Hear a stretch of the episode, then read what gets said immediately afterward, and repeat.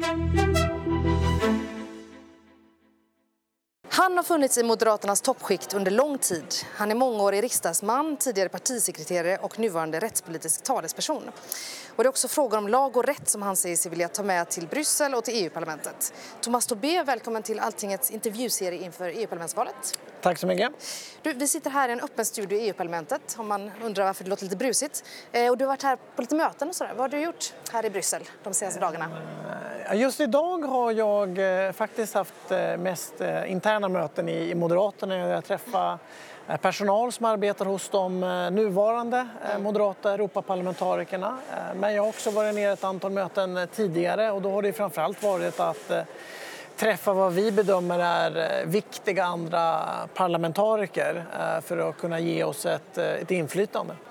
Du, alltså, när Moderaterna klubbade sin lista till EU-parlamentsvalet nu i maj så var det en lite komplicerad process. Eh, och de tre sittande ledamöterna finns inte med på listan utan det är tre nya namn där du är toppnamnet. Och partiet motiverade detta med att man behövde förnyelse och att man inte var nöjd med valresultatet 2014. Hur tänker du om det? Tänker du att, hur ska du entusiasmera väljare mer än vad man har lyckats med tidigare? Jag tror att eh, det är väldigt viktigt för eh, Moderaterna och för den delen andra partier att eh, ha ett starkt fokus på de samhällsfrågor som faktiskt är de viktiga för Europa att hantera. Alltså jag tycker att det handlar väldigt mycket om att vi har stora problem med gränsöverskridande brottslighet. Det märker vi hemma i, i Sverige med eh, illegala vapen, narkotika som kommer in och föder mycket av eh, gängproblematiken. Vi märker de internationella stöldligor som står för en majoritet av inbrotten. Och jag tror att de allra flesta svenskar tycker att det är väldigt viktigt med fri rörlighet. Det tycker vi är viktigt för människor och för företag. Men det var aldrig tänkt att vi skulle ha fri rörlighet för kriminella. Och då tycker jag det är viktigt att då, då, behöver Moderaterna också lägga fram förslag som försvårar den fria rörligheten eh, för kriminella. Jag tycker det är uppenbart att eh, invandringsfrågan måste hanteras mer på europeisk nivå. Jag tycker varken Sverige eller Europa har en särskilt hållbar invandringspolitik långsiktigt. Och då måste man komma fram till eh, vad är det då som behöver åstadkommas? Ja, det är klart att enskilda länder har ett ansvar. Men det viktiga här är ju att se till så att vi har en yttre gräns som fungerar så vi får en kontrollerad invandring. Att vi hittar ett gemensamt sätt så vi också kan få både mer rättvis migration till Europa men också mer hanterbart så inte bara några få länder får bära ansvar. Och sen är det väldigt viktigt tror jag med eh, tillväxt. Alltså, mm. Vi måste se till att öka tillväxten så vi får framtidstro och det måste göras med klimatansvar. Rent konkret, vad, hur vill du driva de frågorna i EU-parlamentet? Och vilket utskott vill du sitta i till exempel? Ja, min, jag har väl siktet inställt eh, kan jag väl erkänna på LIBE. Mm. Eh, jag tycker att, det är utskottet för utskott, frihetliga ja, rättigheter? Precis, och... frihet, ja, det, där ligger väldigt mycket av ja, men lag och ordningsfrågorna, invandringsfrågorna ligger där idag. Det kanske är det man skulle kalla inrikesfrågor om EU var en stat. Så skulle man kunna säga. eh, och, och, och, anledningen till det är att jag tycker att det här är frågor som såklart är viktiga för hela Europa men jag tycker också att det är frågor som är helt centrala för Sverige. Mm. Och det är därför jag tycker att det är viktigt och jag tillhör ju de som tror att Europa är en del av lösningen på de problem eh, som vi också har i, i Sverige. Mm. Jag tror alltså på ett ökat EU-samarbete i de här frågorna för att eh, hantera dem. Okej, så rent konkret, vad kan då EU-parlamentet göra? Vad behövs i EU-politiken för att lösa de här problemen som du ser det? Finns det några liksom, konkreta Ja, jag tror att det är väldigt viktigt att säkerställa att vi har en yttre gräns som fungerar. Det innebär att vi får en ökad eh, kontroll eh, på eh, vilka människor som kan ta sig in i Europa. Inte sällan ser vi i den internationella brottsligheten så har den förgreningar både med länder i Europa och utanför Europa. Jag tror att vi ska utöka väldigt mycket av det rättsliga samarbetet. Alltså Europol behöver stärkas eh, ekonomiskt. Eh, vi ska såklart stärka Frontex som jag nämnde eh, tidigare. Jag tycker också att vi ska titta på sådana här eh, frågor som kan röra när vi väl till exempel lagför människor som begår brott. Jag tycker till exempel att om en EU-medborgare begår ett brott i Sverige så tycker jag det naturliga ska vara att man till exempel avtjänar sitt straff i sitt hemland jag tycker till och med att det ska vara naturligt att man ska ha möjligheten att kunna utvisa en person, även om man är EU-medborgare, för att kunna neka dem inresa i Sverige igen. Det vill säga att begränsa deras fria rörlighet mm. på grund av att de har begått kriminella handlingar. Mm. Och det där är ju frågor som till viss del kan hanteras i nationell lagstiftning men som ju också har till exempel en direkt koppling till rörelsedirektivet till exempel som mm. en sån konkret fråga. Du nämnde här eh, Frontex och Europol. Och om jag förstår det hela rätt så vill du stärka de här samarbetena och det sker väl genom EU-budgeten, tänker jag. Att mer pengar till de här eh, yttre gränskontrollerna till exempel. Mm. Det här finns ju förslaget till eh, ny långtidsbudget som kommissionen har lagt fram. Men ni är ju väldigt eh, mycket emot att den budgeten ska få öka. Hur hänger det ihop? Moderaterna har ju både sagt att vi tycker att vi ska ha en oförändrad EU-avgift och det är ju av anledningen att om det nu tyvärr blir som så att britterna lämnar då tycker vi att då får man alltså anpassa budgeten efter det. Då är inte tiden att gasa på alla politikområden. Eh, men vi har också sagt att vi tycker såklart att det finns delar inom EU-budgeten som är mer prioriterade. Eh, och jag tycker att eh, frågor som rör migrationen, som rör brottsbekämpningen, ja det är klart att det är väldigt prioriterat för Moderaterna. Det innebär att vi vill se mindre pengar till exempel till ja, sammanhållningspolitiken, bidragspolitiken, mindre till jordbruksstöd, jag tror vi är mer på konkurrenskraftiga regelverk och så vidare. Och det är som även politiken liksom hemma i Sverige, man gör olika politiska olika prioriteringar. Men jag tror ju att eh, jag, jag, ser hela den här frågan om den här kraftigt utökade EU-budgeten för svensk del i kombination med att ge EU beskattningsrätt. Jag tycker i någon mening att det är, det är en signal på politiker som har tappat fotfästet. Alltså just nu står Europa inför ett antal centrala problem som måste hanteras. Nu är det så att säga inte tid uh, att till exempel kraftigt höja EU-budgeten. Men jag förstår fortfarande inte för att den här budgetförslaget som har lagts av eh, den kommissionen som är en eh, kommission som styrs av EPP, din europeiska partigrupp kan man säga, den drar ju ner på jordbruksstödet, drar ner på regionalpolitiken, höjer flyktingmottagningspotten, gränspolispotten. Det låt, den ser ut som en budget som ni borde älska. Mm. Är det bara den frågan om det svenska bidraget till EU-budgeten som är det det som är viktigare än, än, ja, det, än inriktningen? Jag tycker nog att det är två delar. Det ena får man väl ändå säga att det är ju marginella eh, Eh, neddragningar ändå. Det är ju inte stora förändringar som sker av jordbrukspolitiken och sammanhållningspolitiken. Vi hade gärna sett mycket större eh, neddragningar eh, i den delen. Men sen är det såklart att det svenska perspektivet är inte oviktigt. Vi är en stor nettobetalare. Eh, och enligt eh, det här förslaget så, så, handlar det ändå om ytterligare ungefär 15 miljarder eh, per år som Sverige skulle betala. Det brukar normalt kallas för reformutrymmet i Sverige. Det är klart att vi från svensk sida inte kan acceptera det och jag noterar väl att vi, vi är inte helt ensamma om den uppfattningen. Och jag tycker nog att än så länge fungerar den svenska linjen, det vill säga att markera lite grann mot att det är inte rimligt att så här kraftfullt höja eh, budgeten och framförallt vad konsekvenserna skulle bli just för svensk del. Och å andra sidan ändå ge stöd eh, till mycket av det som ändå nu kommer ifrån eh, kommissionen och vad jag upplever också blir allt mer av en samsyn faktiskt. Att vi behöver prioritera också de här politikområdena. Du, du nämnde de här samarbetena, alltså rättsliga samarbetena. Eh, det finns ju en, eh, en ny EU-myndighet, den här Europeiska åklagarmyndigheten, EPPO, som nu, eh, ja, i dagarna så håller man på att bestämma vem som ska vara chef för den här myndigheten och den kommer att vara operativ 2020.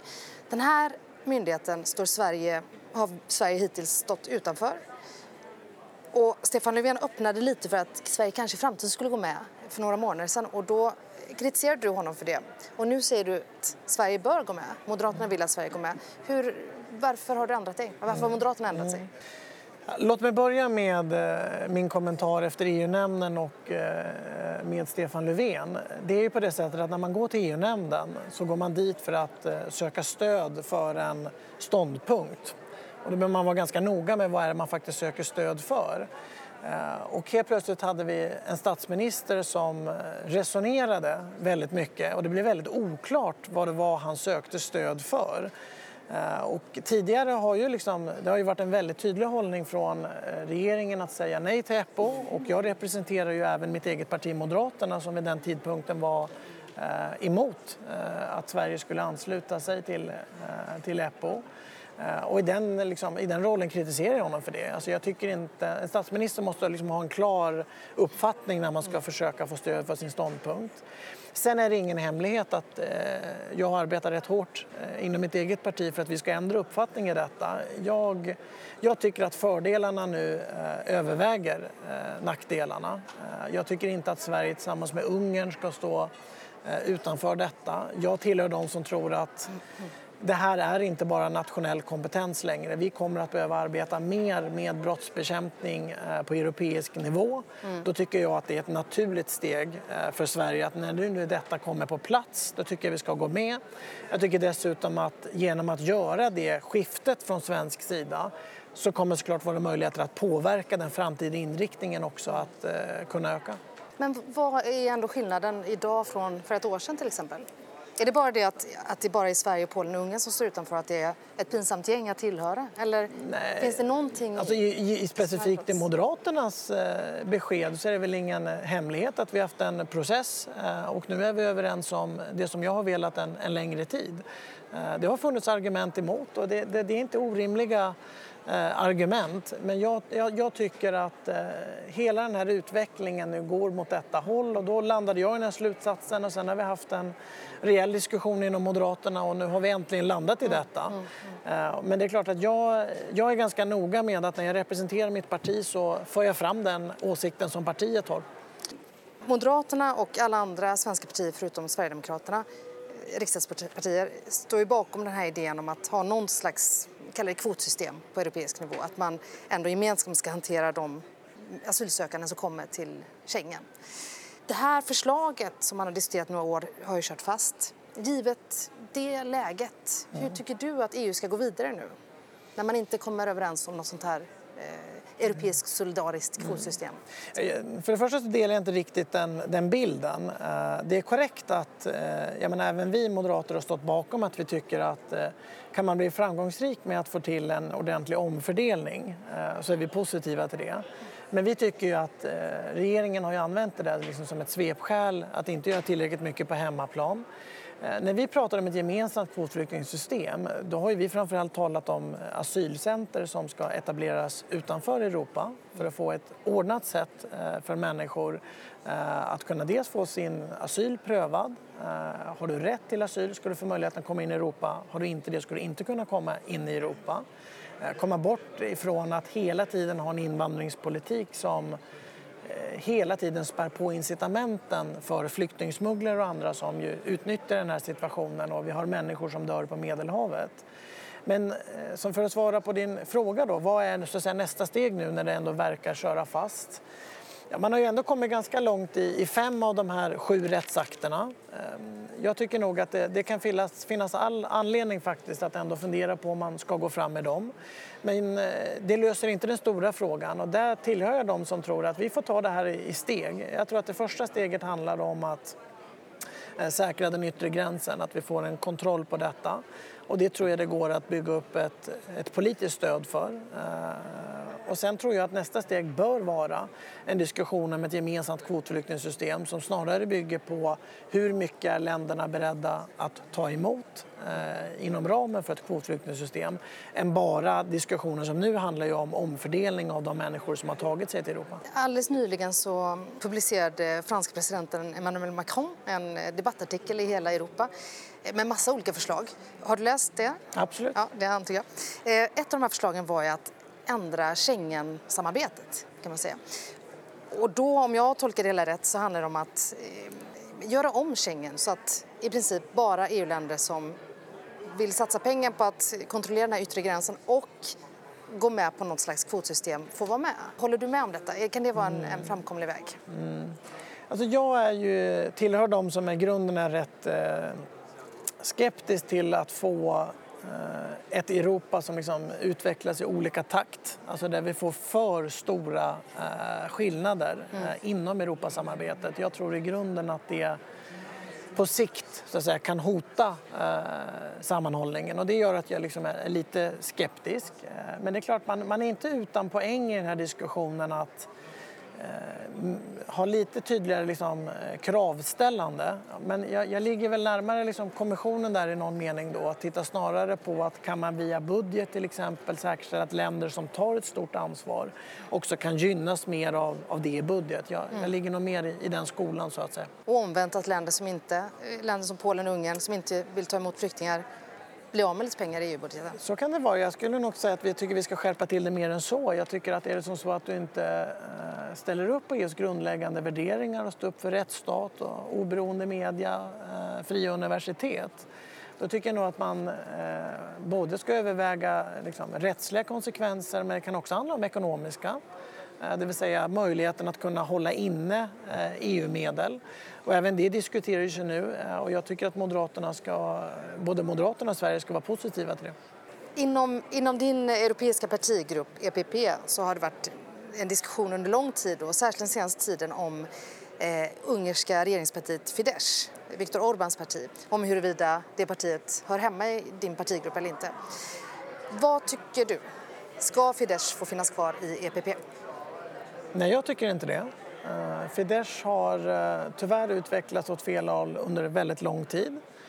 Eh, och förhoppningen om att vi ska kunna se till så att det här partiet utvecklas åt rätt håll. Jag tycker vi har kommit till en punkt där vi får konstatera att så inte verkar ske. Därför landade jag i den slutsatsen. Mitt parti har nu landat i den här slutsatsen. Allt fler andra partier i andra länder landar i den här slutsatsen. Eh, jag tycker att eh, det är dags för dem nu att eh, dra slutsats av att de faktiskt i grunden inte delar EPPs e värderingar och de behöver lämna. Vem vill du ska bli nästa ordförande i EU-kommissionen? Om du får drömma helt fritt. Jag, jag, får inte svara pass alltså. nej. Ja. Ja, nej, men jag, jag hade väldigt gärna velat se Alexander Stubb. och vem vet, hur ser ditt dröm-EU ut om tio år? Det är ett eh, Europa som eh, har stark tillväxt, eh, där människor känner framtidstro. Där, ungdomar och väldigt många människor som har kommit ifrån länder utanför Europa har bett integreras in i våra samhällen. Eh, jag tycker det är ett Europa som har hanterat mycket av problemen som vi har haft med brottslighet på ett mycket bättre sätt där människor upplever en större trygghet. Eh, vi har flyttat fram våra positioner med att eh, minska utsläppen och vi har visat att vi kan kombinera detta med att också ha tillväxt. Varje EU-parlamentariker får utöver lön och traktamente ungefär 45 000 kronor i månaden i något som kallas för allmänna utgifter eller kontorspengar eh, som ska gå till lite omkostnader. Eh, och de här pengarna behöver inte redovisas, men man får ju såklart göra det om man vill och vissa ledamöter gör det också. Om du blir vald till EU-parlamentet, kommer du att redovisa de här pengarna och om det blir några pengar över, kommer du betala tillbaka dem till EU-parlamentet? Mm. Jag tycker att eh, alla Europaparlamentariker ska ha samma regler eh, och eh, jag tycker att man ska följa det regelverk som är beslutat och det är det jag tänker göra. Moderaterna har ju verkat för att vi ska få en ökad transparens kring detta vilket jag tycker är rimligt och rätt. Men jag kommer att följa det regelverk som beslutas i Europaparlamentet. Du kommer inte gå ut över det och redovisa i alla fall? Nej, jag kommer följa det regelverk som eh, beslutas. Jag tycker det är den liksom den rimliga hållningen. Sen är det såklart att eh, man ska använda detta eh, jag menar, enligt god etik. Det är klart att mitt parti har ställt ett antal krav på mig. Jag kommer att vara beredd att redovisa detta för en revisor. Jag har lovat att använda detta på ett sunt sätt. Jag ska säkerställa att min personal som kommer att arbeta på kontoren har utrustning till exempel. Så det är klart att det finns ett antal krav kopplade till de här ersättningarna också. EU-kommissionen har lagt fram ett förslag nu på en långsiktig strategi för att Europa ska bli koldioxidneutralt till 2050 eh, som nu håller på att diskuteras eh, och som ditt parti också står mm, bakom. Mm. Mm. Vad är det viktigaste som EU-parlamentet kan göra de kommande åren för att Europa ska nå dit? Jag tror att det handlar om tre saker.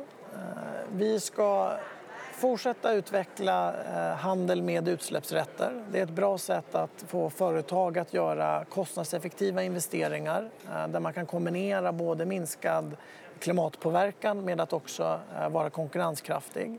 Inte sällan svenska företag som är framgångsrika med detta. Jag tycker vi ska ställa oss eh, positivt till mer av klimatbestånd, eh, det vill säga varje skattekrona vi använder för att bekämpa klimathotet eh, ska vi se till att det gör så stor nytta som möjligt och där tror jag klimatbestånd är en viktig del. Sen tror jag att vi från Europaparlamentet behöver, liksom i Sverige, föra upp frågan om kärnkraft. När allt fler klimatforskare Eh, som tidigare har uppmärksammat politiker på att eh, ska vi klara av att möta det här klimathotet så måste ni gå bort ifrån det fossila och få fram mer förnybart. När samma klimatforskare nu pekar på att eh, vi kommer inte att klara av klimathotet om vi inte också har mer kärnkraft då tycker jag att det är dags för oss att lyssna på det. Eh, och här tror jag att eh, Europaparlamentet behöver i ökad utsträckning säkerställa att vi får resurser som forskar till exempel på den fjärde generationens eh, kärnkraft. Fortsätter att ge ökade stöd såklart till att få mycket säkerhet kring kärnkraft. Jag tycker i grunden att vi borde behöva ha en strategi också för att få fram mer av gemensamma standarder för kärnkraft i Europa. Det vill säga gå bort lite grann ifrån det som har varit legio under ganska lång tid som snarare handlar om en snabbavveckling av kärnkraften. För tyvärr verkar ju den snarare leda till ett ökat beroende av det fossila och jag tycker Tyskland tyvärr är ju ett exempel på det. Thomas Tobé, stort tack för att du var med i Alltingets intervjuserie inför EU-parlamentsvalet. Tack så mycket.